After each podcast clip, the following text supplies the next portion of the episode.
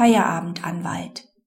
Der bei einem nichtanwaltlichen Arbeitgeber beschäftigte Anwalt muss während der Dienststunden bei seinem Arbeitgeber in der Lage sein, Gerichtstermine, eilige Schriftsätze, Telefongespräche und alle sonstigen nicht aufschiebbaren Tätigkeiten zu erledigen.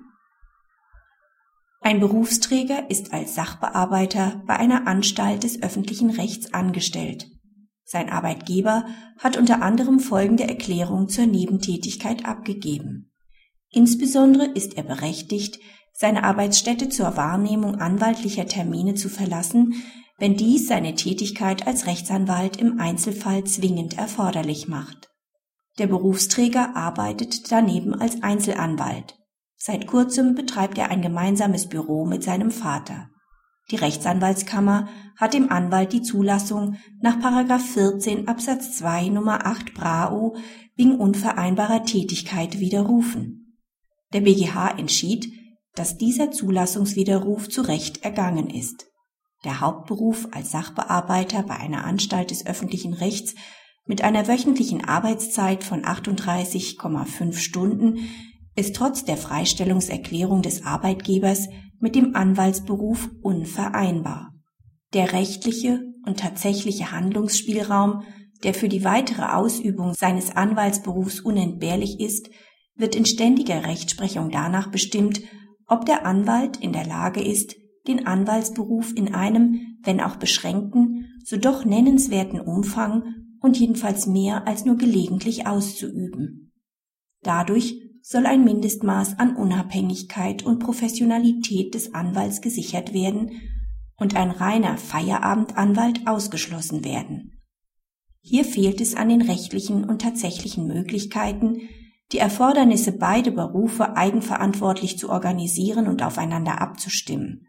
Der Berufsträger hat die 38,5 Stunden pro Woche an seinem Arbeitsplatz zu verbringen und muss in dieser Zeit nach Weisung seiner Vorgesetzten arbeiten.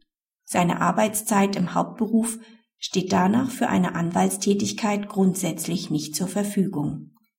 In seinem Büro ist er während der üblichen Büro- und Sprechzeiten für aktuelle und potenzielle Mandanten, für gegnerische Anwälte und sonstige Verhandlungspartner sowie für Behörden und Gerichte nicht ansprechbar. Mag er auch über sein Handy jederzeit und überall erreichbar sein. Anfragen beantworten oder in anderer Weise sachgerecht reagieren kann er ohne seine im Büro verwahrten Handakten und seine sonstige informationelle Ausstattung jedoch regelmäßig nicht. Vielmehr müsste der Anwalt auch während der Dienststunden bei seinem nichtanwaltlichen Arbeitgeber in der Lage sein, Gerichtstermine, eilige Schriftsätze, Telefongespräche und alle sonstigen nicht aufschiebbaren Tätigkeiten zu erledigen. Die Freistellungserklärung erhält nicht dessen erforderliches Einverständnis damit, dass der Berufsträger während der Arbeitszeit Schriftsätze abfasst, E-Mails schreibt oder Telefonate führt. Praxishinweis. Die Entscheidung des BGH vom 17.03.2003 betraf einen leitenden Arzt, dem sein Arbeitgeber unwiderruflich gestattet hatte, seiner anwaltlichen Tätigkeit auch während der Dienstzeit den Vorrang einzuräumen. Dieser konnte sich in seinen ärztlichen Aufgaben Kraft seiner Weisungsbefugnis als leitender Arzt ferner durch einen von vielen ihm nachgeordneten Ärzten vertreten lassen.